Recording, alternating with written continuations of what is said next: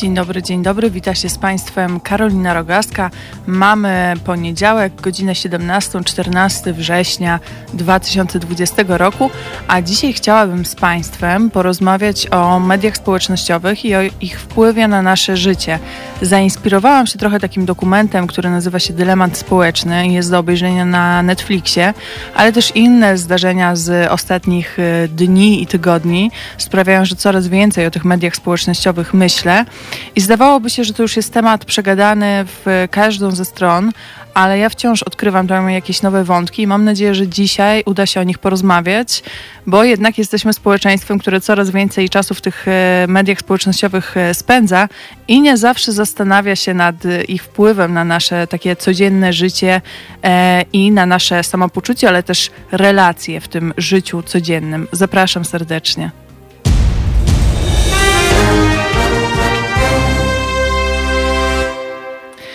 Witam e, jeszcze raz e, wszystkich Państwa. E, mam nadzieję, że będą Państwo tutaj dzisiaj ze mną aktywnie uczestniczyć w dyskusji. Powiem też szczerze na samym początku, że nieco mnie dzisiaj boli głowa. Brałam dzisiaj też tabletki przeciwbólowe. Nie pomogło, więc mam nadzieję, że ta dyskusja z Państwem mnie jakoś pobudzi i uratuje od bólu głowy, bo bardzo dobrze te rozmowy z Państwem na mnie wpływają. Więc może i się uda w jakiś magiczny sposób wpłynąć też na takie czynniki czy samopoczucie czysto e, fizyczne, ale generalnie jestem w pozytywnej e, energii, e, gotowa do działania. Zachęcam od razu Państwa, żeby Państwo pisali na naszym czacie na YouTubie, na Facebooku, e, wysyłali też swoje przemyślenia na teraz lub dzwonili pod numer 22 39 059 22. Serdecznie do tego zachęcam. Piotr pisze, ale za to znów fajna bluzeczka. Bardzo dziękuję. Staram się jak mogę. E, znaczy, no po prostu noszę ubrania, które mi się podobają, więc jakby mm, nie wiem, co tu mówić o staraniu się. No, ale tak, ten e, temat bluzeczki może zostawmy. I przejdźmy do tematu, który dzisiaj będzie naszym tematem numer jeden, to znaczy media społecznościowe. Obejrzałam, tak jak wspomniałam, na Netflixie w ten weekend taki dokument, który się nazywa Social Dilemma, czyli e, no właśnie dylemat społeczny, tłumacząc na polski bardzo prosto. E, ten dokument ukazuje takie skutki mm, ludzkiego wpływu na sieci społecznościowe, ale i w efekcie, idąc dalej, tych e, sieci społecznościowych e, na nas samych i na nasze funkcjonowanie coraz częściej i coraz więcej czasu spędzamy w tych mediach społecznościowych, no jest to, stało się to nieodzowną częścią naszego życia. Jakby od tego wydaje mi się już nie uciekniemy. E, I w tym dokumencie, nie chcę też za dużo zdradzać, bo, bo może Państwo będą chcieli sami obejrzeć, ale parę słów powiem. W tym dokumencie występują e, przede wszystkim ludzie, którzy pracują, nie wiem, dla Twittera, Facebooka, Google'a i tak dalej, i tak dalej. I są to ludzie, którzy mm, byli odpowiedzialni, a czasem niektórzy jeszcze są za tworzenie różnych funkcjonalności w tych serwisach społecznościowych. Niektórzy zdecydowali się e, odejść, kiedy zdali sobie sprawę z tego, co zrobili. Jeden z ludzi tam, który pracował w Google i odpowiadał za tworzenie Gmaila, e, powiedział wręcz e, raz, że odszedł, a powiedział, że to skłoniło go na tyle, do na tyle głębokich przemyśleń, że teraz pracuje mocno na tym i występuje na różnych konferencjach światowych po to, żeby um, uwrażliwić ludzi na ten problem, jaki mogą generować media społecznościowe i zarazem ludzie je tworzący, a potem korzystający, występuje i jakby uwrażliwia na ten problem, bo jest e, dużo do zrobienia. I kiedy myśli się o wpływie mediów społecznościowych na człowieka, e, Piotr pisze, że dokument można opowiadać, to nie fabuła. No ale wciąż są tam takie pewne wątki zaskakujące. Dla mnie przynajmniej niektóre były zaskakujące, gdzie jak zobaczyłam, że moja znajoma poleca ten dokument, gdzieś tam na Facebooku wrzuciła, to sobie pomyślałam i zobaczyłam tematykę, to sobie pomyślałam, Boże, no przecież ja już wszystko wiem na ten temat. Jestem świadomą użytkowniczką e, mediów społecznościowych. No niestety się okazuje, że wcale e, nie tak do końca i też zauważyłam jakieś takie swoje mm, schematy korzystania które gdzieś tam stały się w pewnym stopniu automatyczne już. To znaczy, że ja się budzę rano i sprawdzam, co tam się dzieje w mediach społecznościowych i staram się trochę mniej czasu na nich spędzać w taki świadomy sposób, bo wiem, że one też rozpraszają uwagę. E, występują później różne trudności ze skupieniem e, się, czy wyłapywaniem jakiejś informacji albo zapamiętywaniem, bo wydaje nam się, że mamy to wszystko dostępne zaraz pod ręką. Wystarczy sięgnąć po e, telefon albo otworzyć laptopa. I to jest właśnie e, jeden z tych wątków e, poruszonych, aczkolwiek tych wątków było dużo bardziej, e, dużo więcej. Mam nadzieję, że właśnie wszystkie je uda się przedyskutować z, mm, z Państwem. Właśnie ci twórcy tych mediów społecznościowych, czy współtwórcy raczej, mm, którzy, którzy występują w tym dokumencie, no oni opowiadają, że sami się dali wciągnąć w mm, te sieci, które zostawili, dali się w nie e, złapać. Na przykład jak tworzyli mm, ten symbol, symbol, właściwie tą funkcjonalność, która pozwala na lajkowanie postów e, na Facebooku, to trochę nikt z nich nie przewidywał, jak to się dalej potoczy. Wydawało mi się, że to będzie miało tylko i wyłącznie jakiś taki pozytywny wpływ, bo ludzie będą nawzajem sobie okazywać pewną aprobatę dla swoich myśli, czy dla, nie wiem, jakichś swoich zdjęć, postów. No ale to poszło dalej i rodzą się takie problemy, że na przykład jak nastolatka ma niewystarczająco dużo lajków pod zdjęciem, a nie tylko nastolatka, myślę, że dorośli ludzie też, to zaczyna się czuć źle, bo widzi, że wszyscy dookoła mają, e, mają więcej. Więc po pierwsze, media społecznościowe bardzo mocno wpływają na takie bezpośrednie życie nasze, codzienne. E, to znaczy właśnie na przykład na poczucie e, własnej wartości. Poza tym, jak oglądamy te wyidealizowane życia, które zapewne poza e, mediami społecznościowymi wcale takie idealne nie są, to też zaczynamy się czuć gorzej, bo wydaje nam się, że jesteśmy jacyś niepełni, mm, że funkcjonujemy nie tak, jak powinniśmy, że przecież innym się tak wszystko udaje i są tacy e, szczęśliwi. I nawet jeśli zdajemy sobie sprawę z tego, że to jest e, pewnego rodzaju tworzona iluzja, wiadomo, że rzadko kto będzie pokazywał, jak mu się w życiu wszystko wali, jak mu się dzieje źle. Często jest tak, że jak ludzie mają jakiś gorszy okres w życiu, to w ogóle na jakiś czas znikają z social e, mediów i wracają do nich dopiero jak coś tam się polepszy. I nawet jeśli zdajemy sobie z tego sprawę, to to jednak na nas e, oddziałuje. Tym bardziej, że niejednokrotnie jesteśmy takimi biernymi odbiorcami. W takim sensie, że przeglądamy sobie tą tablicę na Facebooku, czy na Instagramie, czy Twittera. Twitter to jest jeszcze trochę inna para kaloszy bo dochodzi do, na nim, myślę, że dużo częściej niż w innych serwisach społecznościowych do jakichś takich zażartych e, kłótni i przynajmniej w Polsce jest on dość mocno skręcony w prawą stronę i takich prawicowych osób tam można dostrzec więcej. Poza tym Twitter ma taki mm, znacznik powiedzmy mocno polityczny e, w wielu sferach, chociaż też nie zawsze ale, no, ale to jest trochę inna para kaloszy, aczkolwiek też wpływa na nasze, na nasze codzienne e, życie i jak gdzieś tam siedzimy i tak to biernie przeglądamy, no to napychamy sobie głowę tym, nawet trochę nieświadomie, jak to nasze życie powinno e, wyglądać i jak powinniśmy e, funkcjonować. Więc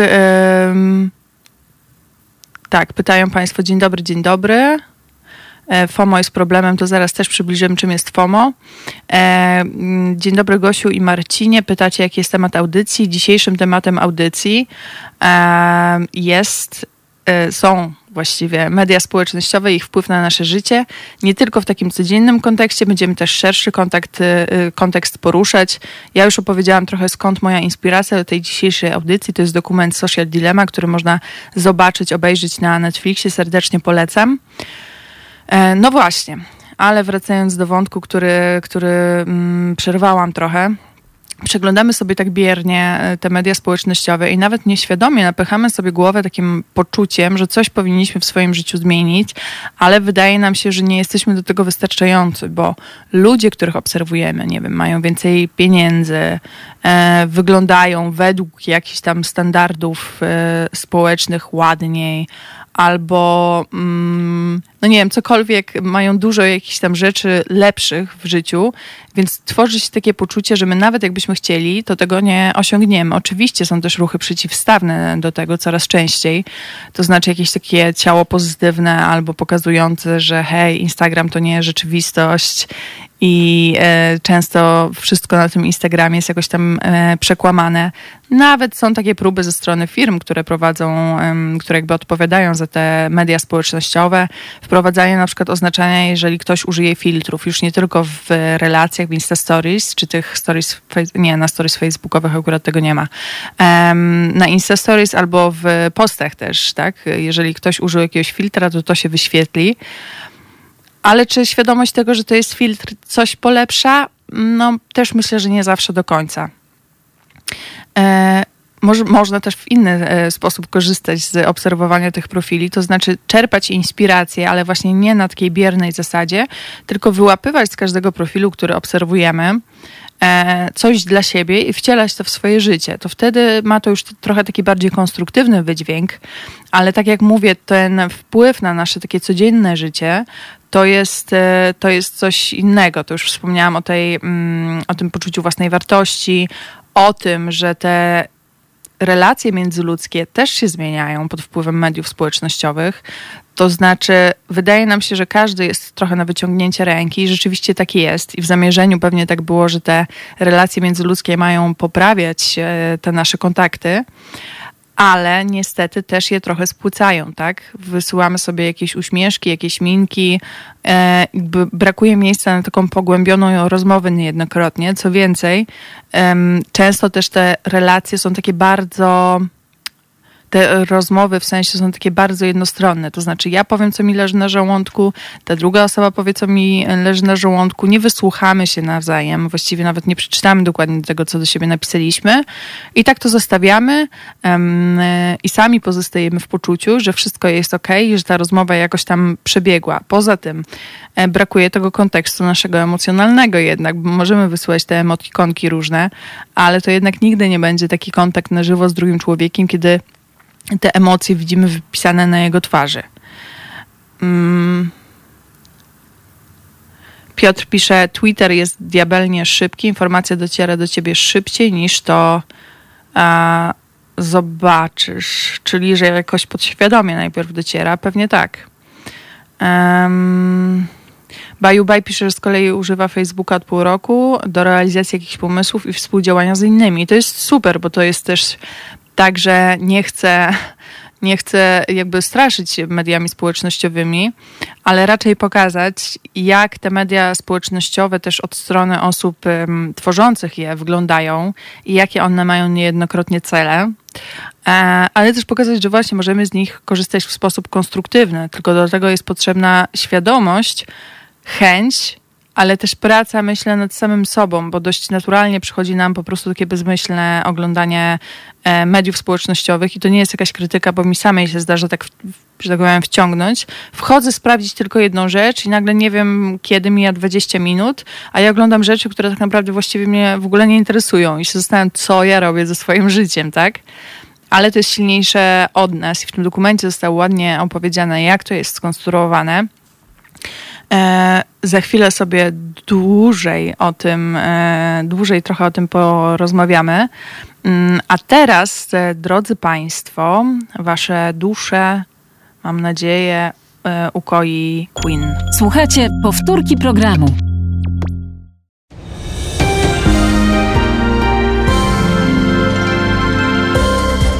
Halo Radio. Pierwsze medium obywatelskie.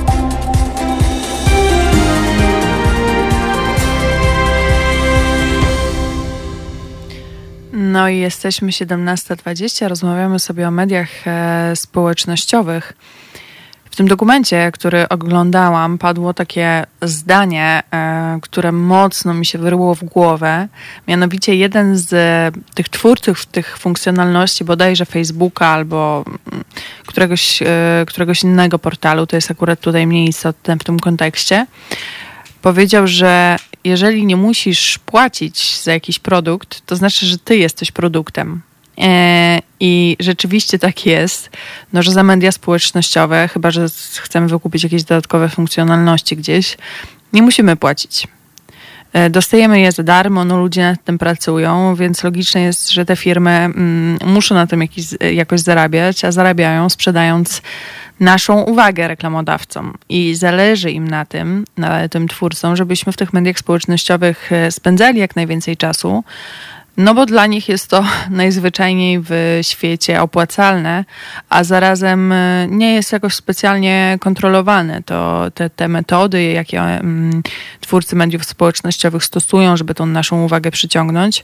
Więc um, jeżeli ktoś nie ma tej świadomości, a często nawet jeżeli ją, e, jeśli ją ma, to zaczyna w mediach społecznościowych spędzić coraz więcej czasu, bo algorytmy szybko się um, uczą tego, jak my funkcjonujemy i podsuwają nam też treści, które chcemy widzieć. Stąd też e, pojęcie tych baniek takich e, społecznościowych, w których się zamykamy. Bo jeżeli Facebook, czy YouTube, czy Twitter widzi, że jakieś szczególne treści nam się podobają, częściej w nie klikamy, to będzie ich nam podsuwał coraz e, więcej, coraz więcej. Więc będziemy mieć, tworzy się też wtedy takie poczucie, że nawet jeżeli zaglądamy gdzieś poza tą bańkę, to i tak generalnie wszyscy się z nami zgadzają, wszyscy mamy, e, mają podobne zdanie. E, ja polecam sobie zrobić taki eksperyment i wejść w media społecznościowe i sprawdzić, e, jak funkcjonują, czy jak wyglądają profile osób, które mają zupełnie odmienne zdanie. Wystarczy, nie wiem, pod jakimś komentarzem, pod jakimś postem, takim ogólnodostępnym jakiejś strony, wejść w profil takiej osoby i zobaczyć, co tam się dzieje. I to jest dość otrzeźwiające, tak? Bo nagle widzimy, że mm, mm, jakby ten nasz sposób myślenia to nie jest jedyny i to nie jest to, co większość ludzi przynajmniej sobie myśli. E, jeżeli nawet nie wszyscy, bo podejrzewam, że są osoby, które i tak myślą. Mm, e, tylko, że jest jednym z wybranych sposobów patrzenia na świat. E, Marek pisze, że Kiedyś Facebook służył rozmowom między znajomymi, dziś bazuje na informacjach, kto jaki post na jakiej stronie polubił i co napisał w komentarzu. Tak, często są też takie mm, określenie drama w komentarzach, tak, i ludzie tam wrzucają później gify z jakimś popcornem, że obserwują to, co się dzieje i nie ukrywam. Mi się samej e, nieraz zdarzyło w taką dramę wciągnąć, nie na zasadzie, że ja coś tam pisałam, ale czytałam, co się tam dzieje, e, szczególnie na jakiejś tam grupce. I później miałam właśnie takie, po co ja to robię? Co mnie jakby obchodzi drama jakichś dwóch zupełnie obcych ludzi w e, internecie? No nic mnie nie obchodzi, ale przez to, że to ma jakiś tam wydźwięk emocjonalny, to też mocniej przykuwa naszą uwagę. No i tracimy czas, spędzamy więcej czasu w mediach społecznościowych i te media, właściwie właściciele tych mediów społecznościowych na nas zarabiają w ten sposób. Mm. Eee, Marcin pisze z reklamami, to ciekawa sprawa. Ostatnio szukałem czegoś na Allegro i po chwili już podpowiedź była na Facebooku. Niezłe śledzenie użytkowników.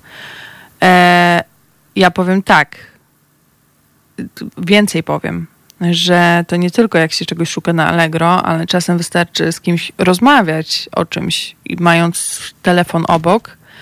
Eee, miałam tak już kilku, kilkukrotnie, że nie wiem, rozmawiałam o jakichś kursach jakichś tam językowych, albo o jakichś butach, czymkolwiek. I nagle wchodzę na Facebooka i patrzę, że już mam e, reklamy tych e, kursów czy tych produktów, o których rozmawiałam.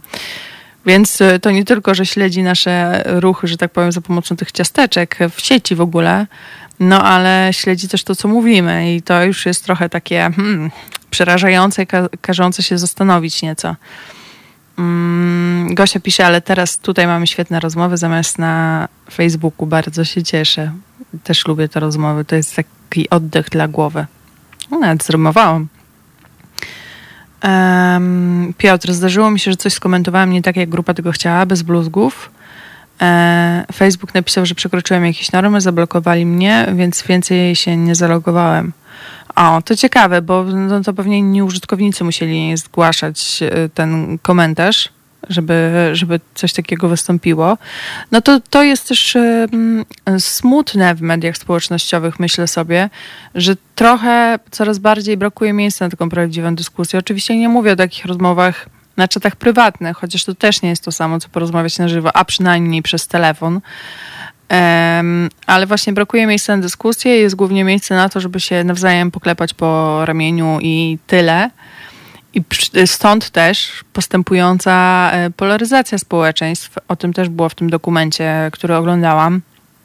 sporo ostatnio mówię w audycjach o tej polaryzacji, ale jednak to jest coś tak ewidentnego, że no nie da się tego pominąć, bo jest to coś, co wpływa na całe nasze społeczeństwo, a w efekcie zacznie też wpływać albo myślę, że już wpływa na nasze codzienne funkcjonowanie. No ale jeżeli żyjemy w bańkach, właśnie w mediach społecznościowych, to coraz bardziej się okupujemy w przekonaniu, że to my mamy rację, a nie ta druga strona, i jakby nie ma punktów stycznych, które by dały e, podstawę do jakiegoś dialogu, właśnie. Hmm. Nawet, aha, to tutaj. Hmm. Ale YouTube też podaje podobne wideo, które możesz polubić. Dlatego Twitter ponad wszystko. Ale wydaje mi się, że na Twitterze to, też to niestety działa tak, że jednak gdzieś tam będą nam się wyświetlały posty bardziej z tej naszej bańki mm, politycznej niż, niż e, z jakiejś tam innej, no bo też obserwujemy jakieś konkretne konta i później nam się wyświetla, że to i to konto polubiło wpis tej i tej osoby albo podało dalej.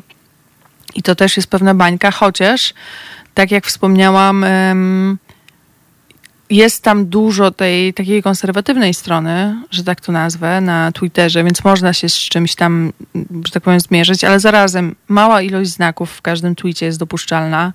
Nie ma tu miejsca za bardzo na rozwinięcie jakiejś dyskusji i też ponownie każdy się okopuje w przekonaniu, że jego zdanie jest najlepsze, najmojsze i w ogóle the best I znowu to jest takie rozdzielanie się e, społeczeństw na jakieś tam podgrupy, grupy. Maciej pisze, że e, Facebook to największa baza danych CIA. No, może tak być, jakby sami to udostępniamy, sami dajemy te wszystkie zgody na to, żeby nasze dane były przetwarzane, bo inaczej nie moglibyśmy z tych mediów społecznościowych korzystać. I na tym one też zarabiają, tak, na naszych danych, na naszych profilach, na tym, że mogą pod nas profilować reklamę i później nam się wyświetla um, to, co byśmy chcieli kupić. I te firmy zapewne za te reklamy płacą, znaczy nie zapewne, tylko na pewno. Więc wystarczy, że jakiejś jednej rzeczy szukamy i już zaraz mamy milion reklam i rzeczywiście może być tak, że sobie trafimy na coś, co chcemy, e, co chcemy widzieć, czy z czego chcemy e, skorzystać. Jest, e, mamy telefon. Halo, halo. Halo, halo, witaj Karolino. Dzień e, dobry. E, chciałam Ci opowiedzieć piękną historię, jaką ma, miałam z Facebookiem. Mhm. Kiedy jeszcze tego Facebooka nie miałam i pisałam tylko z konta męża, mhm. właściwie mam od pół roku dopiero. Mianowicie to było jakieś trzy lata temu, kiedy Anna Albot z Berlina zrobiła taki wspaniały marsz mhm. Solidarności z ludźmi z Aleppo. Tak, tak. I, e, i e, po prostu łączyłam się z nimi z konta męża, po prostu i śledziłam, jak oni tak idą, jak kolejni ludzie z różnych stron się dołączają. No i napisałam jakiś taki komentarz, bo strasznie to przeżywałam i napisałam freezing hands, boiling hearts. Mhm. Czyli tak przetłumaczę, tak zmarznięte ręce, a mhm. gotujące się serca. No i niedługo potem zobaczyłam, że jakaś kobieta po drodze, która przyszła im dać coś do jedzenia tym takim pielgrzymom, upiekła babeczki mhm. i z mhm. chorągiewkami białymi, chorągiewkami jako symbol pokoju. W każdą babeczkę zatknięta taka biała chorągiewka i właśnie ten, to, co ja napisałam, było na każdej z chorągiewek. O. Jezu, jak ja to zobaczyłam, mhm. to spakowałam plecak, pojechałam do Pragi i dołączyłam się do nich. I e, to jest jedno z najpiękniejszych przeżyć mojego życia, gdyż uwierzyłam w ludzi. Tam byli mhm. przedstawiciele wszystkich religii i nacji świata i szliśmy i po prostu ze sobą rozmawialiśmy, bo przyświecał nam ten sam cel właśnie takiego duchowego łączenia się z tamtymi ludźmi. Mhm. I, I właśnie taką piękną historię chciałam moją Piękna. opowiedzieć. Dziękuję bardzo. Piękna, bardzo dziękuję za telefon. Cudowna Dzięki, historia. Cześć. Prawda? Wiedziałam, że docenisz. Ty docenisz. Tak, jest cudowne. tak. No to hej. Hej, dzięki. E, no właśnie, bo to jest też to, to, o czym mówię, że z jednej strony te media społecznościowe mogą mieć negatywny wpływ na to, jak funkcjonujemy, ale z drugiej strony no, mogą się z, e, jakby tworzyć, pojawiać takie piękne historie i takie piękne momenty, no bo gdyby nie ten Facebook, to by e, później nie było tej relacji, nie byłoby pewnie tych ciasteczek i tego hasła na tych ciasteczkach i nie było później tego połączenia. Z tym, że to też pokazuje, co jest ważne, żeby przeżyć coś pięknego, e, żeby dość świadomie e, obserwować te media społecznościowe i wiedzieć, jak my chcemy z nich korzystać i, i co w nich chcemy znaleźć, widzieć Mm, nie poddawać się tak jakby za bardzo wpływom i takiemu bezmyślnemu e, przeglądaniu. No tutaj widać z tej historii jasno wypływa, że to było świadoma chęć zobaczenia tego marszu do Aleppo mm, świadoma chęć jakby bycia takim na początku internetowym współuczestnikiem, właściwie współuczestniczką, co potem doprowadziło do spotkania na żywo. I jeżeli właśnie się w pewnym momencie też wyjdzie ta znajomość z internetu, czy ten kontakt z internetu, czy to przeżycie internetowe wyjdzie gdzieś dalej, poza, poza tą bańkę internetową, to jest to coś wspaniałego. Zresztą mogliśmy to też obserwować na początku pandemii, który, kiedy pojawiały się grupy wsparcia kiedy ludzie pisali, czego potrzebują, kiedy sobie nawzajem zawozili zupy, kiedy robili starszym osobom, które bały się chodzić po zakupy e, do sklepu, ktoś im te zakupy robił i przynosił, no to było w ogóle coś cudownego i taki pokaz ludzkiej solidarności, więc to jest trochę jak ze wszystkim w życiu. I tu będzie banał, uwaga, że wszystko ma swoje dobre i złe y, strony i że warto pracować nad tym, żeby te dobre strony uwypuklać, a y, nad tymi złymi y, konsekwencjami pewnych działań pracować. Myślę, że to jest y, ogromnie ważne. Gosia, mm, pani redaktor ma rację, na Twitterze za mało znaków, nie ma możliwości pełnej wypowiedzi. No właśnie, to też jest wtedy takie dość uproszczone i szczególnie jeżeli rozmawiasz o jakichś trudnych tematach. No a na Twitterze są dość ważne i poważne tematy poruszane, to gdzieś to spłaszcza tą dyskusję bardzo mocno. Mm. Czy y, Guitar Jam Session pyta, czy gadamy o personalizacji internetu? Po części tak, przede wszystkim o mediach społecznościowych i o ich wpływie na nasze życie, o tym, że on może być zły, ale może być i dobry, jak wynikało z przedstawionej przed chwilą historii. E, więc e, no właśnie, o takim wpływie i o tym, co robi z naszym społeczeństwem i jak właściwie działać, żeby tego złego wpływu było jak najmniej. Myślę, że podstawą jest w ogóle świadome korzystanie z social mediów, to znaczy właśnie ta świadomość, że na przykład Facebook czy YouTube i tak dalej będą nam podpowiadać treści, które my jakoś tam chcemy widzieć, a więc może nas wpychać w takie tory myślowe, e, zakładać trochę klapki na oczy, bo wtedy nie widzimy jakichś innych e, sposobów patrzenia na świat um, i zamykać nas w bańkach. A więc to już jest krok ku polaryzacji e, społeczeństwa. E, upraszcza też niejednokrotnie nasze relacje i nam się wydaje, że mamy tych relacji dużo i przecież z tyloma osobami rozmawiamy albo obserwujemy kogoś na Instagramie i wydaje nam się, że to jest wręcz nasz znajomy, bo pokazuje tam jakieś fragmenty ze swojego życia ale wciąż to jest wszystko bardzo płaskie. Jeżeli potrafimy wydobyć te dobre rzeczy i gdzieś przenieść je do swojego życia i z nich korzystać, albo uświadomić sobie, jak to wszystko działa i dlaczego tak działa. No, jak nie wiadomo, dlaczego, jak coś działa, to oczywiście, tak jak wspomniałam, chodzi o pieniądze tych e, dużych e, korporacji social mediowych, które zarabiają na tym krocie po prostu. Um, ale ze świadomością tego można przekładać te działania na coś dobrego, na przykład zbiórki internetowe to jest coś niesamowitego w tych czasach. E, ile my potrafimy dać od siebie i jak to funkcjonuje, jak wielu ludziom za pomocą tych zbiórek internetowych się udało pomóc.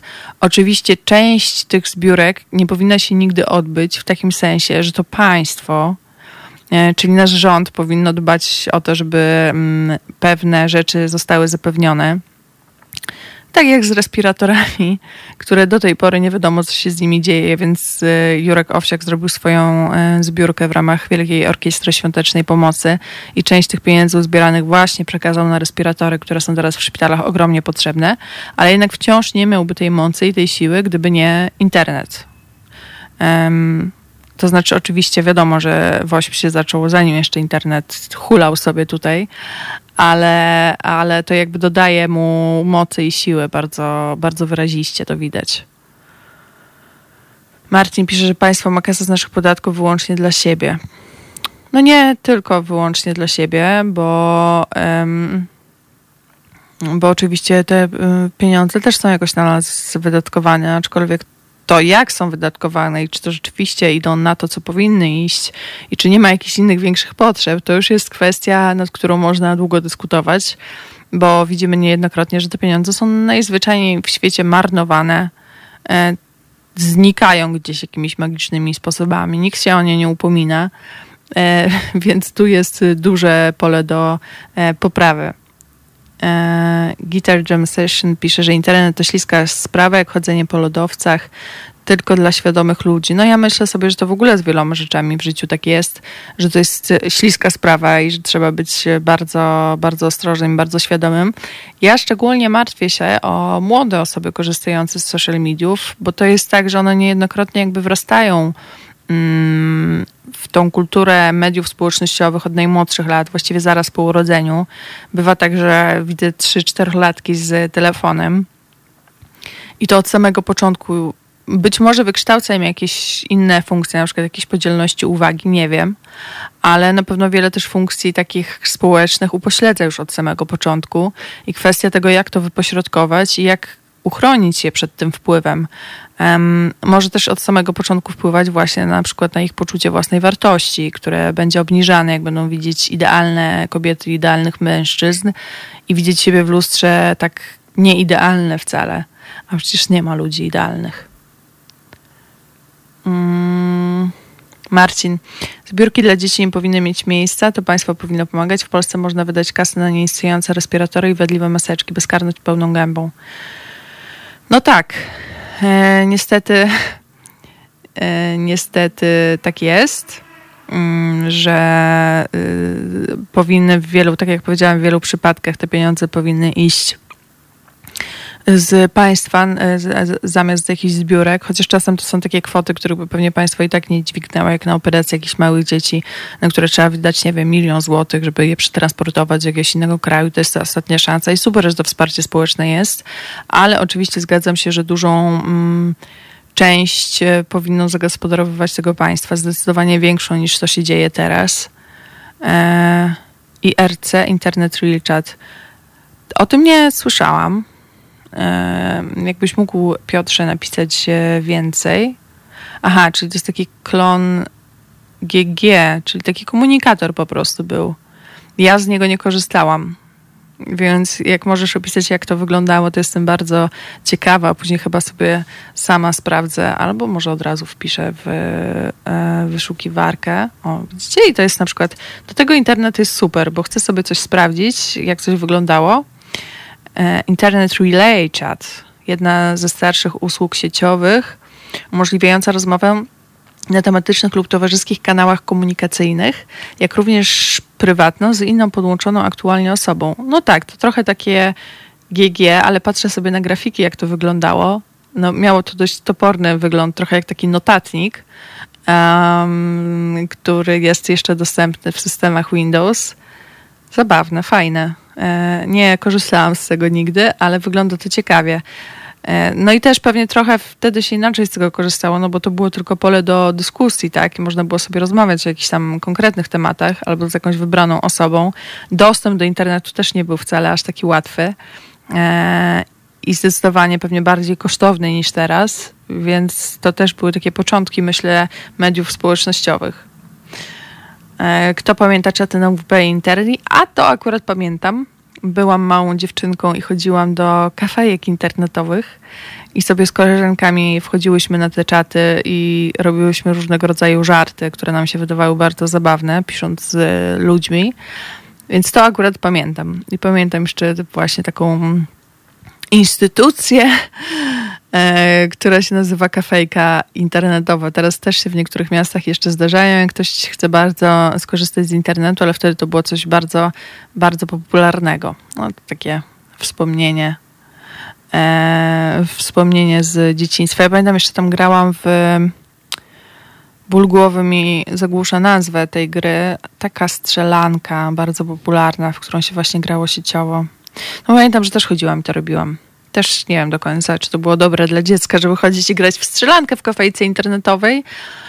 No ale myślę, że teraz tych zagrożeń różnych jest e, dużo więcej niż, e, niż było wtedy.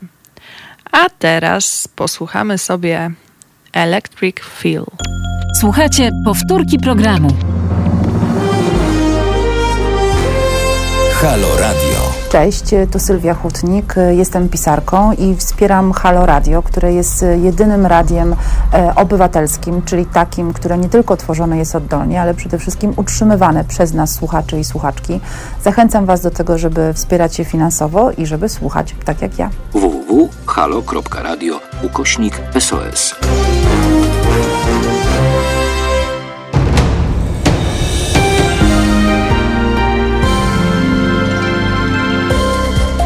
Halo Radio. Pierwsze medium obywatelskie.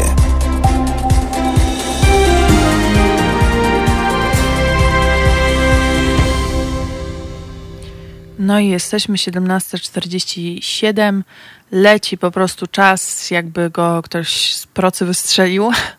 E, bardzo szybko, ale to ja tak zawsze mam, jak z Państwem rozmawiam. Nawet trochę mnie zaczęła mniej głowa boleć. Dalej ją czuję, ale jest coraz lepiej, więc y, mają Państwo po prostu jakieś magiczne zdolności leczenia, chyba takiego przez tutaj jakieś łącza. Nie wiem, jak to się dzieje, ale jest to niesamowite, dlatego zachęcam tym bardziej, żeby Państwo pisali i dyskutowali ze mną na YouTubie na Facebooku e, pisali pod adres teraz małpa.halo.radio, e, dzwonili pod numer 22 39 059 22 i zachęcam też do wpłat. E, można wejść na stronę www.halo.radio ukośnik SOS i serdecznie zachęcam do tego, żeby dorzucić e, coś dla nas, bo dzięki temu jesteśmy w stanie funkcjonować i się rozwijać i prowadzić takie ciekawe dyskusje z Państwem, bo nie dość, że Państwo współtworzą z nami niejednokrotnie e, program tego radia na antenie, będąc z nami,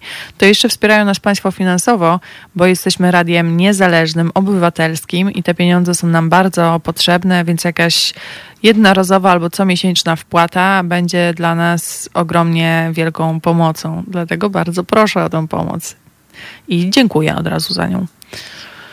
E, selekcjoner, moja pierwsza, widzę, że idziemy w stronę wspomnień. E, moja pierwsza komórka, idea z 25 minut darmowych rozmów bez naliczania sekundowego. E, też Państwo korzystali, piszą o Yahoo. Jejku, ja chyba z tego nigdy nie używałam. Może mi się zdarzyło kiedyś, ale mm, ale jakoś mi się nie, e, nie przypomina za bardzo, aczkolwiek wiem, co to jest. Wiem, że coś takiego było i chyba dalej funkcjonuje, jeżeli się e, nie mylę. Ja pamiętam swoją pierwszą, e, pierwszy telefon komórkowy Nokia 3310, tam można było w tego węża grać. I pamiętam, że to jest jedyny telefon, jak do tej pory, odpukać, niech tak zostanie, e, który mi skradziono. E, zostawiłam go w plecaku na plaży. W Łomży jest taka plaża nad Narwią. No i poszłam sobie pływać z koleżankami, wszystko fajnie. Później wracam, zaglądam do plecaka, tam telefonu nie ma. No moje przerażenie było po prostu e, okrutne, wielkie, bo e, bałam się, co rodzice e, powiedzą i jak to się wszystko skończy. No nie byli jacyś strasznie źli, ale e, niestety mm, to też ich zmusiło, żeby mi kupić jakiś e, inny telefon, bo policja działa jak działa i go nigdy nie odnalazła niestety.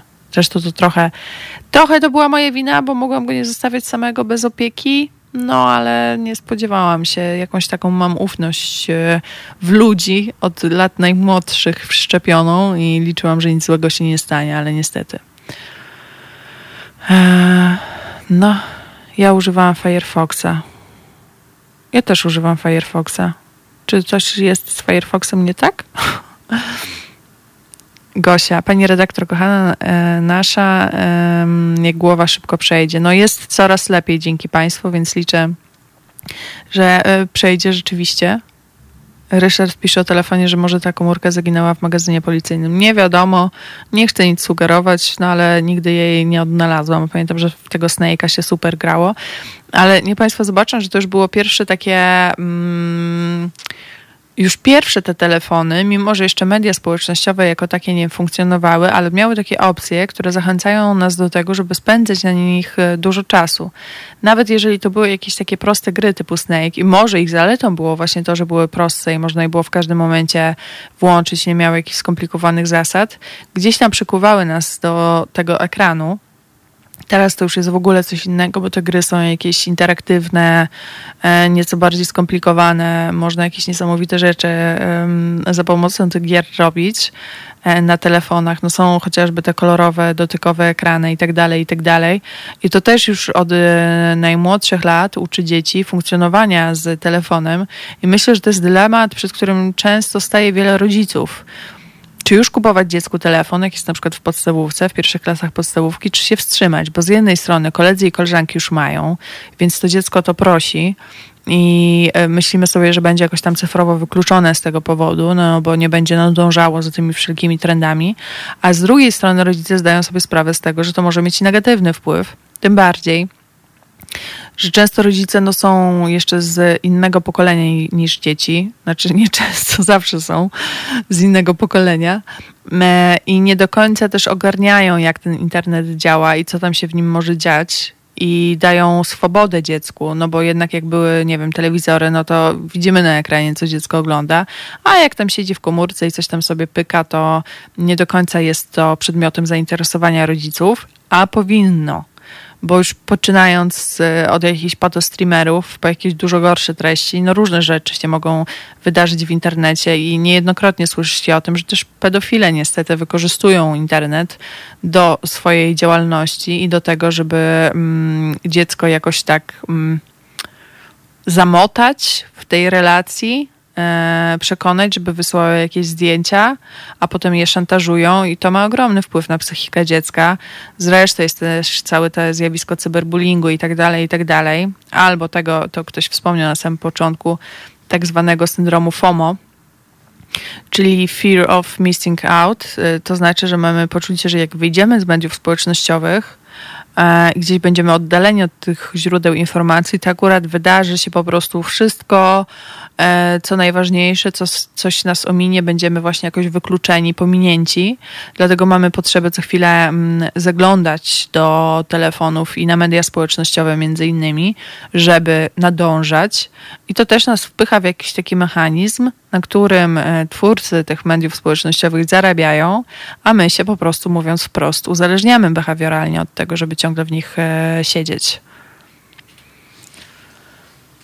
Uh... selekcjoner. Najlepiej kupić iPhone'a, tam kontrola rodzicielska bez możliwości obejścia. No powiem tak, no niby bez możliwości obejścia, ale dzieciaki są już tak e, po prostu technicznie zaawansowane, że czasem udaje się im i to obejść. Wiem, bo mam e, siostrzenicę, która ma 10 lat, niebawem 11 będzie miała. I naprawdę to, jakie ona blokady potrafi złamać na telefonie, to jest w ogóle szokujące po prostu. Mm, więc nawet to da się złamać i często dzieci nas prześcigają w e, umiejętnościach obsługi telefonów i mediów społecznościowych też zresztą. Gosia pisze, że pani Karolino w podstawówce telefon można kupić, tylko zawsze jest ryzyko uzależnienia. No właśnie. I to jest ten problem, żeby po pokazać też dziecku, bo raz, że my możemy sobie mówić, tak? Nie używaj tyle telefonu, e, odłóż ten telefon, zamknij ten komputer, nie siedź tyle, ale co to da? No może dać nic, bo dziecko się będzie buntowało, dlaczego, dlatego tutaj jest potrzebna taka pogłębiona raczej rozmowa, w której nakreślimy, jakie mogą być skutki nadmiernego używania tego telefonu. Oczywiście bez też takiego straszenia, że mm, że, że nie wiem, że nie wiadomo jak się skończy, że skończymy pod mostem, jak będziemy używać za dużo telefonu, e, tylko mówić o takich realnych skutkach, które mogą się przydarzyć i które mogą być negatywne, ale przy tym opowiadać też o pozytywnych e, aspektach korzystania i pokazywać, że można to robić, pokazywać jakieś materiały edukacyjne, platformy do uczenia się, bo do tego też przecież można wykorzystywać e, internet. I fajnie, jeśli dziecko ma tego świadomość, a nie kojarzy mu się używanie telefonu tylko i wyłącznie z graniem w jakieś gry, a, albo wysyłaniem sobie emotikonek, e, albo robieniem jakichś tam zdjęć bo jeżeli będzie znało też te zalety, to prędzej czy później nauczy się z tego korzystać w taki pozytywny sposób, ale też uświadamiać podczas rozmowy, to jest myślę bardzo ważne, e, e, młodszych użytkowników, starszych zresztą też, że to co widzą, bo my inaczej wpadamy w te takie kolejny, o których ja mówiłam, że ktoś ma takiego myślenia, że ktoś ma bardziej idealne życie, co może prowadzić do poważnych skutków, takich jak e, poważna depresja albo jakieś stany lękowe. E, żeby uświadamiać, że to, co widzimy w internecie, to nie jest e, do końca prawdziwe i że to, co widzimy, trzeba też niejednokrotnie weryfikować, bo mm, pojawia się też taki odruch wśród nastolatków, były badania na ten temat robione, że nastolatkowie przeczytają coś w internecie i uznają to za prawdę z tego powodu, że wrzucił ktoś to, ktoś z ich znajomych, na przykład na Facebooka czy na Instagrama, nie weryfikując, czy te informacje są prawdziwe, no bo zakłada, że skoro zrobił to ktoś, kogo znają, to to musi być z założenia mm, prawdziwe. Pojawia się też coś takiego jak efekt śpiocha. Mm, to znaczy, my nie pamiętamy skąd coś wiemy, przesypiamy jakby ten moment, kiedy zyskaliśmy jakąś informację, ale skoro ona jest w naszej głowie, to wydaje nam się z założenia, że ona jest prawdziwa. Więc mogło nam coś mignąć na tablicy facebookowej i my już traktujemy to jak prawdę. I to dotyczy i młodszych, i starszych użytkowników. Selekcjoner pisze, że na iPhone córka też znalazła sposób, ma ukryty drugi telefon. No właśnie, więc naprawdę y, dzieciaki są mądre i szczególnie jeżeli czują, że coś jest jakoś tam zabronione, to wiadomo, że to jest y, tym bardziej pociągające. Dlatego tutaj podstawą, myślę, tak jak, tak jak wspomniałam, jest taka pogłębiona rozmowa na temat tego, jakie skutki może nieść użytkowanie telefonów i mediów społecznościowych i pokazywanie tych wad, ale i zalet. Mm. Marek Jerzy. Aha, tu y, piszą Państwo chyba o jakiejś takiej trudności skupienia się. E, Marek Jerzy, ja tak mam z Haloradiem, jak nie słucham, to mam poczucie, że coś mi umknęło i mam jakieś 40 godzin zaległych podcastów do e, przesłuchania. A, no właśnie, ale to nie jest tutaj Baju Baj, dalej pisze, że to czysta przyjemność bycia tu i teraz, a więc e, warto się pewnie na tej przyjemności e, skupić, bo 40 godzin zaległych podcastów do przesłuchania to brzmi e, naprawdę poważnie. Ja tak mam z podcastami, które się ukazują, bo zazwyczaj je słucham w formie podcastów, czy to naszego Halo Radia, czy jakichś innych tworów, że czasem lubię, jak na przykład jest sobota, i myślę sobie, ojej, nie odsłuchałam tam, nie wiem, jakichś tam kilku odcinków któregoś podcastu, więc to sobie puszczam. Jestem zadowolona, że mam więcej tego materiału do słuchania, więc sobie, nie wiem, sprzątam, gotuję e, przy okazji słuchania i jest to wtedy bardzo taka duża przyjemność, a zarazem nie mam poczucia, że zaraz mi się te podcasty skończą, które ja lubię słuchać, bo jeżeli słucham regularnie, no to one gdzieś tam. Mm, już nie zajmują to słuchanie tyle czasu, tylko sobie spokojnie słucham przez kilka godzin, a przy okazji robię inne rzeczy i mam takie poczucie, że z jednej strony dowiaduję się jakichś ciekawostek, albo poszerzam swoją wiedzę, a przy okazji właśnie wykonuję jakieś tam załóżmy czynności e, domowe, co jest super e, przyjemne. Hmm. Piotr, a ja mam teraz dylemat, bo właśnie leci dyskusja w parlamencie brytyjskim, e, w parlamencie brytyjskim o Brexit i jedno ucho tam, drugie tu. To niesamowita podzielność uwagi, bo nie wiem, czym potrafiła e, szukać e, dwóch, szukać, szukać może bym potrafiła, słuchać dwóch um, streamów naraz. To by było pewnie trudne. Marcin pisze, pani Karolina to jest uzależniona od Instagrama. No nie wiem, czy tak bym siebie określiła, ale używam go rzeczywiście bardzo y, aktywnie, też w takich kwestiach aktywistycznych właśnie. Ale y, no prawdą jest, że spędzam sporo czasu w mediach społecznościowych i staram się ten czas ograniczać. Mm, może nawet nie tyle ograniczać, co korzystać bardziej świadomie, żeby właśnie nie wpadać w takie kolejne, że ja sobie przewijam tą tablicę i oglądam rzeczy, które już właściwie mnie zupełnie nie interesują. Jest to po prostu czyste marnowanie czasu, w którym mogłabym zrobić coś więcej a zostaję z wyrzutami sumienia, że zmarnowałam czas. Oczywiście dobrze jest czasem po prostu porobić jakieś takie, że tak powiem, głupotki. Każdemu e, jest czasem potrzebne pewnie poglądanie śmiesznych kotów w internecie, ale kwestia, żeby znać proporcje i żeby później właśnie nie zostawiać z takim poczuciem winy, tylko że nawet jak oglądamy te kotki w internecie, śmieszne, czy pieski, to żeby robić to mm, świadomie, to znaczy myślimy sobie, ok, teraz mam pół godziny, czy tam godzinę na takie przyjemności, ale potem robię to i to i to i to, y, żeby nie wsiąkać, gdzieś tam się nie zatapiać w tej wirtualnej rzeczywistości. Mm. O, Marcin pisze, że nie ukrywa, że Kluska uwielbia. Klusek to mój kot, który jest bardzo zabawny. I czasem mu podkładam głos w mediach społecznościowych. I ja myślę, że to jest bardzo zabawne. Poza tym jest e, wielkim słodziakiem.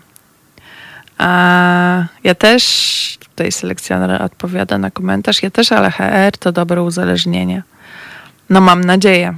Mam nadzieję, ale mam nadzieję, że jednak nie odciąga mimo wszystko Państwa od jakichś codziennych e, czynności za bardzo bo też bym się wtedy zaczęła przejmować tym, co się, co się, że tak powiem, wydarza i co się dzieje.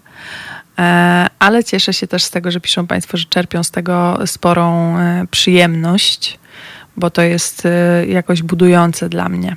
A teraz zaśpiewają nam Arctic Monkeys. To jest powtórka programu. Halo Radio. Gadamy i trochę gramy.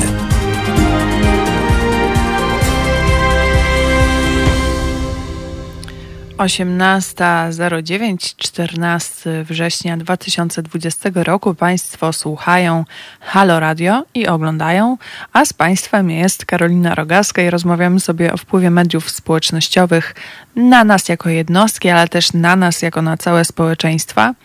E, Larika pisze, że po kilkugodzinnym scrollowaniu może pojawić się problem ze skupieniem uwagi, zaśnięciem, różne skutki okulistyczne, nie tylko społeczne. To prawda, wpływa na nas też tak, e, na naszą fizyczność, e, na to, jak funkcjonujemy, na nasze zdrowie, to scrollowanie. E, I myślę, że to nawet nie trzeba kilku godzin, ale jeżeli robimy to regularnie albo na przykład przed zaśnięciem, to jest bardzo ważne, żeby tak 40 minut przed zaśnięciem odpuścić sobie e, używanie telefonu. Wiem, że to czasem bywa trudne, bo chcemy coś tam jeszcze sprawdzić, czy coś napisać, czy coś dopiąć. I wtedy z tego telefonu korzystam, ale dużo lepiej jest, nie wiem, posłuchać e, muzyki albo, albo halo radio, albo e, poczytać książkę. E, no bo raz, że niejednokrotnie to, co widzimy w mediach społecznościowych, budzi jakieś tam nasze spore emocje i to już może wpływać na trudność z zaśnięciem, ale też ekrany wytwarzają to niebieskie światło, które zaburza wytwarzanie melatoniny i tym samym ten sen nie jest taki jakościowy, jakby mógł być, gdybyśmy tego telefonu przed zaśnięciem nie używali. Najlepiej go w ogóle gdzieś tam daleko na półkę odłożyć. Oczywiście ja się też teraz wymądrzam, a mi samej niejednokrotnie się zdarza przed snem jeszcze sprawdzać coś tam na telefonie, e, ale chyba sama sobie zrobię taki eksperyment, że przez kilka dni nie będę go przed snem używała i zobaczymy, jak to podziała na moją jakość snu i czy ja rzeczywiście będę potem bardziej wypoczęta i skupiona. Um, Marcin pisze, mnie męczy czytanie książek za pomocą czytnika, jednak papierowa książka jest lepsza, ten zapach i tak dalej. No ja też używam e, książek, e, że tak powiem, standardowych, to znaczy papierowych. Do czytników się jakoś jeszcze nie, nie przekonałam. Też to światło czytnika jest bardziej przyjazne dla oczu i zapewne niejednokrotnie czytnik jest wygodnym rozwiązaniem, szczególnie jak się gdzieś tam jedzie na jakieś dłuższe wakacje i nie chce się ze sobą tony książek wieść, które przecież swoje ważą. E, to pewnie jest to wygodne. Aczkolwiek ja też wolę e, papier i póki co się jeszcze do czytników nie przekonałam. Zresztą lubię, jak książki stoją u mnie na półkach. Lubię mieć takie poczucie, że mogę podejść, dotknąć ich, zdjąć je z tej półki. E, I jest to coś super wygodnego, ale rzeczywiście też używanie mediów społecznościowych um, wpływa na zdolność skupienia się. I tak jak kiedyś mogłam usiąść i za jednym podejściem, rzeczywiście się nie odrywając, poza tym, nie wiem, żeby się czegoś napić, przeczytać książkę, tak teraz kusi, żeby sprawdzić, co tam się w tym internecie dzieje, co tam kto napisał. A to i tak, mimo że mam wyłączone powiadomienia w większości aplikacji, poza jakimś tam WhatsAppem i SMS-ami, e, to, to i tak kusi, mimo że mi ten telefon nie dzwoni. Ja wyobrażam sobie, że niektórzy mają powiadomienia włączone. Nie wyobrażam sobie tak funkcjonować, jakby mi miało cały czas coś pikać i wibrować w telefonie. O, teraz Telegram mi się odezwał. tak a propos. E, to w nim też mam włączenia, e, powiadomienia włączone, więc to też mi może czasem pikać, ale to wiecie, piknie trzy razy dziennie, a nie pika 10 razy na godzinę. No tak, to Marcin pisze, że powiadomienia można wyłączyć. To właśnie mówię, że ja mam wyłączone w większości aplikacji swoich. I przy okazji polecę książkę Stewardessa. Jest, e, jest w trakcie czytania, czy to jest jakaś książka reporterska, czy to jest raczej fikcja? Chętnie się dowiem. Um, selekcjoner jest z kolei pisze, że u niego czytnik e, Kindelek cały czas na biurku. No ja się jeszcze, jak mówię, nie przekonałam, ale może się przekonam ze względu na taką po prostu wygodę, jak gdzieś jadę i rzeczywiście e, zabieranie ze sobą 10 książek by było problematyczne, a mam tak, że gdzieś wyjeżdżam, to czytam zdecydowanie więcej niż siedząc tutaj na miejscu, bo po prostu mam więcej czasu, jak to na wakacjach bywa. Um, chyba, że tak jak za tydzień jadę sobie w góry przez kilka dni chodzić po górach, no to tam zapewne nie będę jakoś dużo więcej czytała, bo raz, że będę chodziła i uważała, żeby nic mi się w tych górach nie stało, a dwa, że pewnie jak już dojdę do jakiegoś schroniska czy pensjonatu, to, to będę po prostu szła spać w związku z pokonaniem wielu kilometrach e, po górach i ten odpoczynek będzie wskazany jak najbardziej. Wojciech pisze z kolei, że dom bez książki jest jak ciało e, bez duszy. No, bardzo piękne e, porównanie. Chciałabym, żeby więcej książek w polskich domach było i nie żeby tylko stały na półkach, ale też żeby ludzie je rzeczywiście czytali. Znaczy, oczywiście to też nie jest tak, bo to zaraz popadniemy w, jak, w jakąś taką mm, retorykę, że tylko książki rozwijają i tak dalej. Można się rozwijać na milion innych sposobów, ale na pewno książki są tym ważnym, jednym z ważnych czynników powodujących jakiś tam nasz rozwój czy pobudzających do myślenia. Marcin pyta, czy nie będzie audycji za tydzień. Będzie audycja. Ja po poniedziałkowej audycji ruszam i w niedzielę wracam, więc żadna audycja nie zostanie pominięta. Także spokojnie będę za tydzień też z Państwem. Jadę w przyszły poniedziałek jakoś o 23, żeby rano już być w górach, więc będę tutaj y, siedziała i z Państwem rozmawiała. No ale przyszliśmy do książek. Znaczy bardzo się z tego cieszę, bo ja książki e, kocham i kocham czytać książki, ale jednak no, tematem dzisiaj są te media społecznościowe i to, jak one wpływają na nasze funkcjonowanie, rzeczywiście ta gorsza koncentracja i to wszystko są takie mm, codzienne sprawy, które jakoś tam oddziałują, ale też wpływają na to, jak funkcjonują całe społeczeństwa. Zobaczmy to, co się dzieje na przykład teraz w przypadku pandemii koronawirusa. E, wykorzystujemy gdzieś tam jakiś taki efekt potwierdzania. To znaczy, jeżeli ludzie mm, nie chcą wierzyć w tą pandemię, a umówmy się, że też zrozumieniem pewnych mechanizmów, które, którymi rządzi się pandemia, bywa, no wymaga jakiegoś tam wysiłku, tak? I jeżeli taka osoba wchodzi do internetu i odczuwa strach i lęk, zrozumiały w tej sytuacji, jaką jest e, pandemia koronawirusa, tym bardziej, że ona wybuchła nagle jest czymś, czego jeszcze nie było, no bo takiej akurat pandemii e, jeszcze nie obserwowaliśmy. Były różne pandemie w dziejach świata, ale działy się one dość dawno temu i też miały inną specyfikę. E, teraz żyjemy, no właśnie, w świecie mediów społecznościowych. Jeżeli ktoś bardzo nie chce wierzyć w tą pandemię, czy szuka innych odpowiedzi, które są łatwiejsze do przyjęcia, no bo zamiast rozumieć jakieś procesy biologiczne, które następują, czy fizyczne, e, czy gospodarcze, to łatwiej jest pewnie w pewnym sensie uwierzyć, że za tym stoi jakiś światowy spisek i uspokoić swoje zszargane nerwy um, i jakoś ogarnąć, okiełznać ten strach, który odczuwamy. No i internet jest idealnym miejscem do tego. Raz, że tu się panoszy mnóstwo e, takich e, teorii spiskowych, a dwa, że bardzo łatwo e, znaleźć innych ludzi, którzy po prostu w nie wierzą, tak? Wchodzimy na jakieś grupy, tam, nie wiem, nie wierzę w koronawirusa i widzimy, że jest na niej kilkadziesiąt tysięcy innych osób, które tak samo myślą, no to traktujemy to jakby jako potwierdzenie jakichś tam naszych myśli i utwierdzamy się w tym przekonaniu. Ja myślę, że zbyt um, lekko traktowany jest wciąż temat fake newsów w internecie. E, tym bardziej, że tych fake newsów często jest dużo więcej niż prawdziwych informacji i one też są klikalne, a na klikalności między innymi media społecznościowe zarabiają e, i na takiej aktywności użytkowników.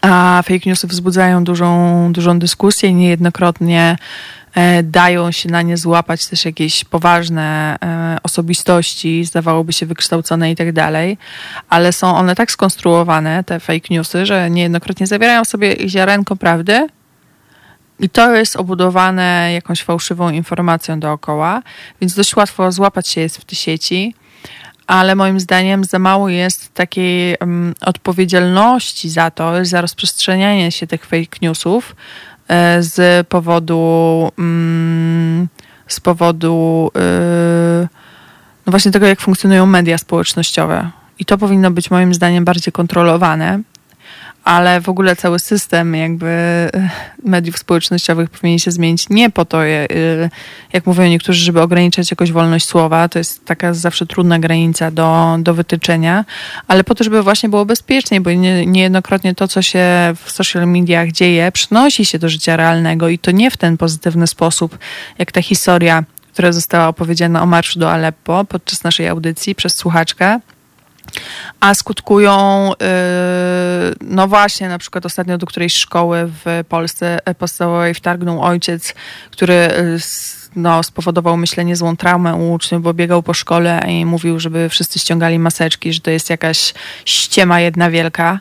E, i krzyczał i musiała być interwencja policji, żeby go z tej e, szkoły zabrać. Więc myślę, że to jednak szczególnie dla co wrażliwszych osób e, mogło być traumatyczne.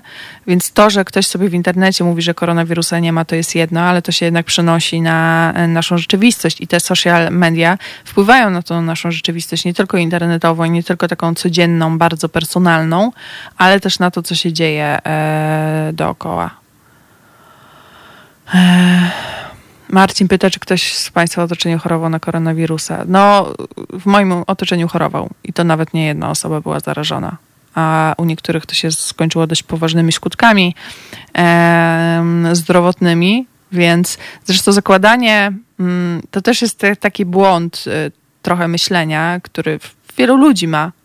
Y, więc to nie tak, że to jest coś e, złego e, że to, to nie tak, że to jest coś złego, czy jakiegoś, e, nie wiem, nietypowego, ale niestety często zakładamy, jakby świat jest ogromny i zakładamy, że jeżeli coś się nie wydarzyło w naszym otoczeniu, albo właśnie nie przeczytaliśmy o tym w mediach społecznościowych najbliższych osób, to że to się nie dzieje.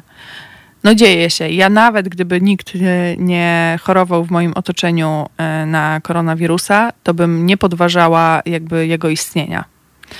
E, bo widzę, z czym się zmagają szpitale i jakby słucham i analizuję tego, co mówią e, medycy i tak dalej, więc zupełnie nie mam tutaj wątpliwości, że to jest realne zagrożenie.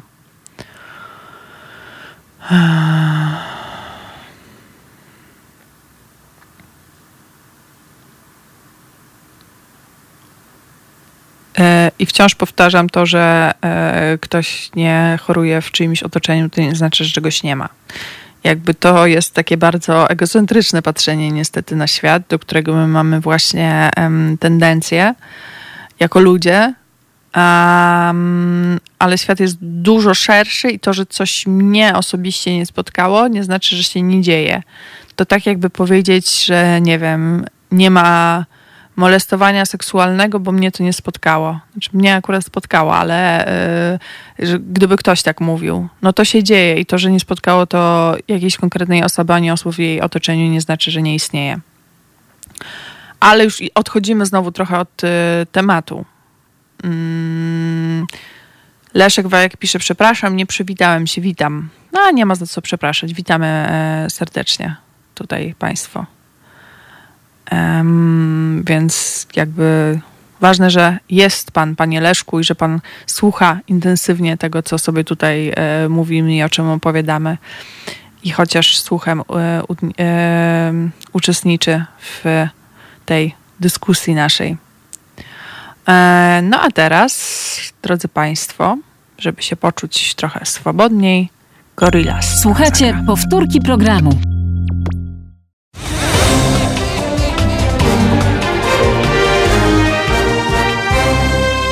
Halo Radio. No i co? No i wybiła 18.27, drodzy Państwo. Zachęcam do pisania na naszym czacie na YouTubie, na Facebooku, e, aktywnego tutaj pisania też. E, zachęcam też do pisania na adres teraz małpa halo.radio oraz do telefonów e, pod numer 22 39 059 22, a poza tym zachęcam do wchodzenia na stronę www.halo.radio ukośnik SOS, gdzie można nas e, wspierać, bo bez Państwa wsparcia nie będziemy istnieć i nie będziemy się rozwijać, a bardzo byśmy chcieli dostarczać coraz lepsze treści Państwu. Chcielibyśmy się wzbijać na wyżyny e, radiowego dziennikarstwa i rozmów z państwem i tak dalej, i tak dalej, więc zachęcam bardzo, bardzo, bardzo serdecznie do tego, żeby wypłacać i żeby wspierać nasze Halo Radio. Będę za to bardzo, bardzo e, wdzięczna. Widzę, że tutaj się toczy dalej dyskusja dotycząca wirusów. Może być tak, po prostu jak Państwa bardzo tak ten temat porusza, bo no zapewne porusza, bo to jest coś, co się dzieje, że sobie za tydzień o tym, e, co wpływa na to, że na przykład nie wierzymy w pandemię, bo ostatnio akurat pisałam o tym tekst i rozmawiałam dużo ze specjalistami, e, w związku z czym mam jakąś tam wiedzę, jeszcze ją sobie przed audycją pogłębię jak to mam w zwyczaju robić, jak się przygotowuję do audycji. E, I możemy sobie o tym porozmawiać. Możemy też porozmawiać o koronawirusie, jak najbardziej. To Państwo współtworzą z nami to radio, więc ja jestem otwarta. Jeżeli jest taka e, chęć, to zapraszam e, bardzo serdecznie do, do pisania i sobie za tydzień o koronawirusie i o pandemii porozmawiamy i o tym właśnie, co wpływa na to, że wierzymy bądź nie wierzymy w tego koronawirusa to myślę, że będzie bardzo ciekawa i gorąca dyskusja, bo temat jest jak najbardziej gorący i wciąż go e, przeżywamy, widząc to, co się dzieje na świecie, zarówno w gospodarce, jak i w szkołach, jak e, politycznie też to funkcjonuje, no i przede wszystkim e, zdrowotnie, jak to wpływa na społeczeństwa. Więc jeżeli jest taka chęć, to za tydzień będzie taka rozmowa. Ja jestem otwarta na Państwa propozycje jak najbardziej. A dzisiaj, e, tak jak e, wspomniałam e, jak już sobie rozmawiamy od blisko dwóch godzin, rozmawiamy o mediach społecznościowych. Tutaj widzę, jedna ze słuchaczek pisze, że mm, czy to nie jest tak, że autorytety, na przykład naukowe, są podważane, a cokolwiek w internecie jest brane za prawdę bez sensownej weryfikacji. Tak, niestety tak się dzieje, ponieważ ja myślę sobie, że mm, i to też było w tym dokumencie, o którym wspomniałam, tym Social Dilemma pokazane bardzo dobrze, że my jako społeczeństwo trochę nie nadążamy za rozwojem internetu, a przede wszystkim też nasze takie struktury biologiczne, na przykład e, mózgowe, nie nadążają za tą rewolucją, która się dzieje, bo ewolucja jednak przebiega dość e, dużo wolniej. I tak jak rozwijały się, nie wiem, radio, czy telewizja, czy druk, to to przebiegało jednak zdecydowanie wolniej niż rozwój internetu, który naprawdę taki boom przeżywa duży od jakichś 20 lat. I my trochę społecznie za tym nie nadążamy, jesteśmy do tego nieprzystosowani i fajnie by było wykształcić jakieś takie... Mm, sposoby radzenia sobie z tą sytuacją. W związku z tym, no, że jakoś musimy zacząć to ogarniać, żeby dobrze też w tym funkcjonować i żeby te narzędzia, które sami jako ludzie stworzyliśmy, nas nie zjadły, że tak się wyrażę, i nas nie pochłonęły nadmiernie, bo inaczej to będzie mm, trudne i będzie gdzieś tam mm, właśnie miało więcej tych negatywnych efektów niż takich pozytywnych, to znaczy jakoś łączących ludzi, pozwalających na kon kontakt e, i wnoszących coś do dyskusji, a bardzo chyba byśmy tego nie chcieli. I rzeczywiście, tak jak tutaj pani wspomniała, jest tak, że niejednokrotnie to, co e, w internecie jest pokazywane, bierzemy za prawdę. Bo wpisy, na przykład, jeżeli napisze coś jakiś celebryta czy celebrytka, to jest tak, że y, traktujemy to jako prawdziwe, bo oddziałuje jakoś tam na nasze emocje, bo ktoś mówi o swoim prywatnym mm, życiu, o jakichś doświadczeniach bardzo takich prywatnych i w związku z tym emocjonalnych. No a kiedy wychodzi naukowiec i coś mówi, to odwołuje się na przykład do danych, e, czy do jakichś statystyk, czy do wyników badań, które raz, że niejednokrotnie podawane są takim dość hermetycznym językiem, chociaż naukowcy też się trochę uczą, jak mówić do ludzi, którego no, podawane są językiem, którego wiele osób nie rozumie i to jakby nie jest wina tych osób, bo nie każdy musi być e, wirusologiem czy biologiem i znać te wszystkie pojęcia, tylko to jest trochę zadanie leżące po stronie właśnie tych naukowców, żeby przekazywać w tą e, wiedzę w taki sposób, który będzie mm, zrozumiały dla, dla ludzi, a to się niejednokrotnie nie dzieje. I dwa, że właśnie są to takie suche fakty, które nijak trafiają do naszych emocji, są po prostu jakimiś tam liczbami. No bo co nam mówi, że nie wiem, kilkaset osób e, zginęło czy zmarło z powodu koronawirusa? No jest to jakaś sucha liczba. My nie mamy żadnego odwołania emocjonalnego do tych e, liczb. Nic nas z tymi liczbami nie łączy. Widzimy właśnie liczby, a nie ludzi tak naprawdę. E, więc to jest jakoś trudniejsze do przyswojenia, a dowiedzione jest już od lat taki mechanizm psychologiczny, że dużo lepiej zapamiętujemy informacje, które mają ten komponent y, emocjonalny. To się zresztą działo podczas y, poprzedniej kampanii prezydenckiej y, w Stanach Zjednoczonych, kiedy to Trump koniec końców wygrał po raz pierwszy swoją prezydenturę i został głową Stanów Zjednoczonych. Toczyła się dyskusja o szczepionkach i Trump uczestniczył w takiej dyskusji z jednym z e, topowych e, naukowców e, ze Stanów Zjednoczonych. Nie przypomnę sobie teraz nazwiska tego pana, ale to jest do, do odgrzebania. W każdym razie, co ważne, ten naukowiec jakby przytoczył mnóstwo takich bardzo racjonalnych danych, o tym, dlaczego warto się szczepić i pokazujących, że wbrew e, wielu teoriom, które nie są prawdziwe, e, szczepionki nie powodują autyzmu i no, są stworzone dla dobra ludzkości, a nie po to, żeby wszczepiać jakieś chipy, czy właśnie wywoływać autyzm u dzieci itd., tak itd. Tak a, a Trump pokazał zdjęcie jakiegoś dziecka, które właśnie funkcjonuje w spektrum autyzmu E, I odwołał się bardzo emocjonalnie do tego, że przyszli do niego jacyś rodzice i opowiedzieli taką tragiczną historię, że to u tego dziecka po szczepieniach zaczęły mm, występować problemy. I tak jak niektórzy dość naiwnie liczyli, że w związku z tą dyskusją i zderzeniem z tymi racjonalnymi argumentami tego naukowca, Trumpowi trochę e, spadnie poparcie, to mu jeszcze bardziej wzrosło, bo był właśnie ten komponent emocjonalny.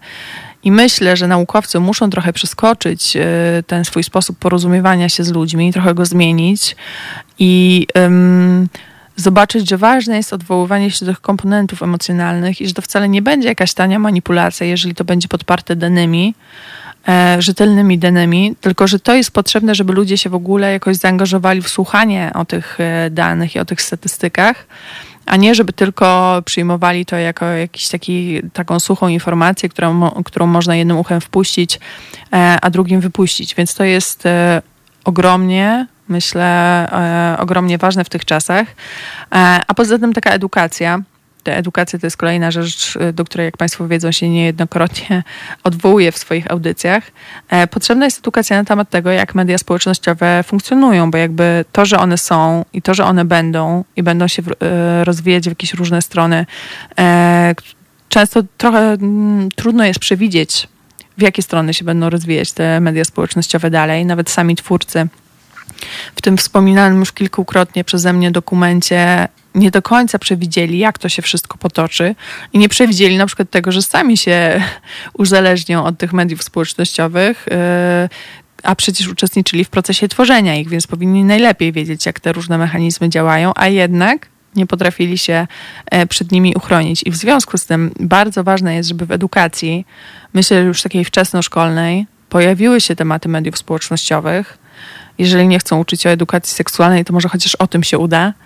E, taka mądra edukacja pokazująca właśnie te zalety i wady e, i tłumacząca, że na przykład fakty warto jest weryfikować, że warto jest się nie opierać tylko na jednym źródle, a jeżeli się opieramy tylko na jednym źródle, e, i jest ono jakoś tam powszechnie uważane za źródło rzetelne, to żeby i tak sprawdzić jeszcze w innym miejscu, bo nawet te rzetelne źródła informacji mogą się czasem mylić i ludzie, nie wiem, pracujący przy wypuszczaniu takich informacji mogą też pójść za jakimś fake newsem mimo jakiejś tam e, weryfikacji. Albo mogą być zmęczeni. Jakby trzeba pamiętać, że te informacje koniec końców są tworzone i wypuszczane przez ludzi. Dalej mogą być rozpowszechniane przez jakieś tam boty, ale jednak jest tutaj ten czynnik ludzki i każdy człowiek też się może czasem mylić. I myślę, że to jest ogromnie ważne, żeby o tym pamiętać i żeby tego uczyć e, ludzi od najmłodszych, e, najmłodszych lat, bo wtedy będą potrafiły dzieci, ale też w konsekwencji dorośli świadomie korzystać z tego, co się dzieje, a no a jakby umówmy się, że ten zalew informacji, które dostajemy każdego dnia jest ogromny. I czasem trudno jest każdą poszczególną informację zweryfikować, ale chociaż niektóre, czasem się zapala taka lampka w głowie, a może, a może to nie jest do końca prawda. Jeżeli coś takiego nam się zapala, to tym bardziej. E, zamiast podawać tę informację dalej i przyczyniać się na przykład do rozprzestrzeniania jakichś fake newsów, sprawdźmy sobie, czy na, na ile to jest realne i na ile taką informację można traktować jako wartą podawania dalej. Myślę, że to jest coś, czego się e, czego um, powinniśmy się w najbliższych latach intensywnie uczyć. Marcin pisze, że wierzymy w co chcemy wierzyć, no to też istnieje ta taka reguła, właśnie tak jak wspomniałam wcześniej, potwierdzania, to znaczy wyszukujemy i opieramy się na informacjach, które potwierdzają jakoś nasze e, tezy, które mamy już w głowie. E, ale mnóstwo jest takich osób, które nie do końca wie, co jeszcze myśleć na jakiś temat. Jak sobie w ogóle zdają z tego sprawę, że nie trzeba mieć od razu opinii na każdy temat, jaki się pojawia w przestrzeni publicznej, bo mam wrażenie, że niestety my w Polsce też mamy taki odruch, że trzeba mieć na każdy temat zdanie. No nie, nie musimy mieć, szczególnie jeżeli w danym temacie nie, nie, nie siedzimy tak mocno, a chcemy się koniecznie wypowiedzieć, to chociaż się wcześniej doinformujmy, sprawdźmy kilka różnych źródeł, wyróbmy sobie naszą własną opinię. Zamiast podążać za jakimś jednym źródłem informacji, które znaleźliśmy w internecie, albo jeszcze gorzej za postami na Facebooku jakichś przeróżnych osób, które często nie mają e, żadnych właśnie podstaw e, naukowych czy doświadczenia w danym temacie, a wypowiadają się jakby wiedzieli wszystko. Jeżeli za tym podążamy i na tym tylko się opieramy, no to rzeczywiście może być e, krucho. Um, Leszek Wojek pisze, o tak miła pani, możliwość weryfikacji jest nie do przecenienia. No tak, rzeczywiście. Warto też pamiętać i uświadamiać, że my tą możliwość mamy. Um, szczególnie w czasach internetu, bo z jednej strony on może nam sprzedawać mnóstwo fake newsów za pomocą mediów społecznościowych na przykład, ale też y, daje możliwość na przykład wyszukiwania informacji jest coś takiego jak wyszukiwarka Google i można sobie wejść i różne rzeczy posprawdzać, trochę poczytać. Oczywiście to nie zawsze gwarantuje, że rzeczywiście trafimy na tą właściwą informację, ale myślę też, że osoby e, pracujące na przykład naukowo e, są zawsze otwarte, żeby do nich e, zadzwonić i o coś dopytać. Pewnie jakby mieli takich telefonów kilkadziesiąt dziennie, to byłoby ciężko, ale można też dopytać i później samemu na własną rękę tą właściwą informację rozpowszechniać i mówić, skąd się ją ma, podając e, jakieś tam źródła, e, no, które będą świadczyły o tym, że ta informacja jest rzeczywiście prawdziwa i właściwa w jakiś tam sposób. Marcin przestrzega też przed takim bezmyślnym podążaniem za tłumem. No ja też przed tym przestrzegam. Jeżeli wiele osób coś mówi, to wcale nie znaczy, że to y, musi być prawda. I tak jak mówię, weryfikacja, weryfikacja, jeszcze raz weryfikacja, bo inaczej te media społecznościowe nas po prostu zjedzą. Zresztą możemy, mm, wiele osób może podawać jakąś informację jako prawdziwą, ale są to te osoby z naszej bańki.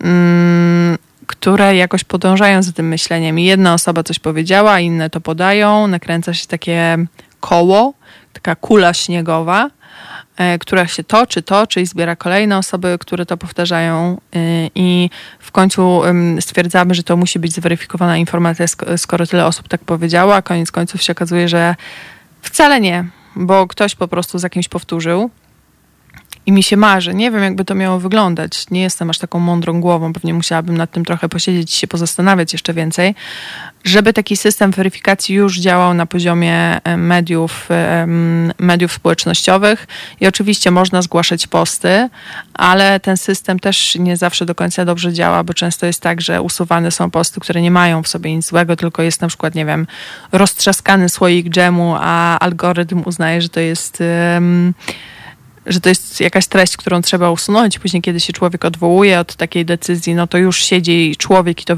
weryfikuje jeszcze raz, ale wciąż to jest jakoś tam bardzo uznaniowe, e, jakie treści się uznaje, jest jakieś drastyczne, czy takie, które się powinno usunąć, a, a jakie nie. Szczególnie jeżeli mówimy o jakichś takich kwestiach um, poglądów politycznych, yy, czy jakichś takich kwestiach światopoglądowych. Hmm. Marcin pisze, że lepsze oglądanie kotków niż słuchanie fake newsów. Nie, no zdecydowanie tak, tylko to jest właśnie problem w tym, że e, niejednokrotnie chcemy się jednak czegoś dowiedzieć i internet, chcemy czy nie, jest jednym ze źródeł informacji i nie zawsze to będą przyjemne informacje o kotkach, więc e, warto sobie po prostu to, co się dzieje, weryfikować. Tym bardziej, że fake newsy też siłą rzeczy przedostają się do takich tradycyjnych mediów i możemy powiedzieć, że My tylko i wyłącznie w internecie e, oglądamy kotki i pieski, w związku z czym nie jesteśmy narażeni na fake newsy i byłoby może trochę lepiej, gdyby rzeczywiście tak było, ale niestety te tradycyjne media też potrafią e, te fake newsy podawać i trudno im jest się przed nimi uchronić. I o ile to jest jakiś portal internetowy, to łatwo to jest zmienić, ale jeżeli to jest wydrukowana gazeta, czy nawet program informacyjny, w jednym wydaniu takiego programu informacyjnego się coś powie, nawet w kolejnym się zweryfikuje, no to nie ma gwarancji, że osoby, które oglądały te pierwsze wydanie, będą oglądały też te kolejne. I tak, korzystajmy ze sprawdzonych źródeł, ale nawet w tych sprawdzonych źródłach się czasem może jakaś pomyłka zdarzyć, bo tak jak wspomniałam, wszyscy jesteśmy ludźmi, e, więc e, trzeba być bardzo uważnym na to, że się wszędzie taka pomyłka może zdarzyć. Um, no to co, to w związku z tym, że się zbliżamy do końca audycji, jak zawsze dziękuję bardzo za intensywną dyskusję, ale też chciałam zapytać, czy Państwo chcą za tydzień tego koronawirusa i to dlaczego niektórzy nie wierzą w pandemię, jakie psychologiczne mechanizmy za tym e, stoją? E, mogą Państwo e, tutaj pisać teraz, mogą też Państwo e, pisać w postach na naszej halo radiowej grupie, czy Państwo chcą takiej audycji. A jak ktoś mnie odnajdzie na przykład na moim Instagramie, to też można i tam pisać, tak jak powiedział tutaj Marcin. Sporo z niego korzystam, więc na pewno taką wiadomość odczytam i sobie pogadamy o tym trochę za tydzień. Na co już się bardzo cieszę, bo to jest bardzo też ciekawy i poruszający temat. Państwu dziękuję za audycję. Ja dziękuję za Państwa udział, który jest cudowny. Trochę mniej głowa boli, więc ruszam pełna werwy i energii dalej korzystać z tego dnia i działać i robić jakieś tam swoje rzeczy. A my się słyszymy i widzimy już za tydzień. Dobrego wieczoru.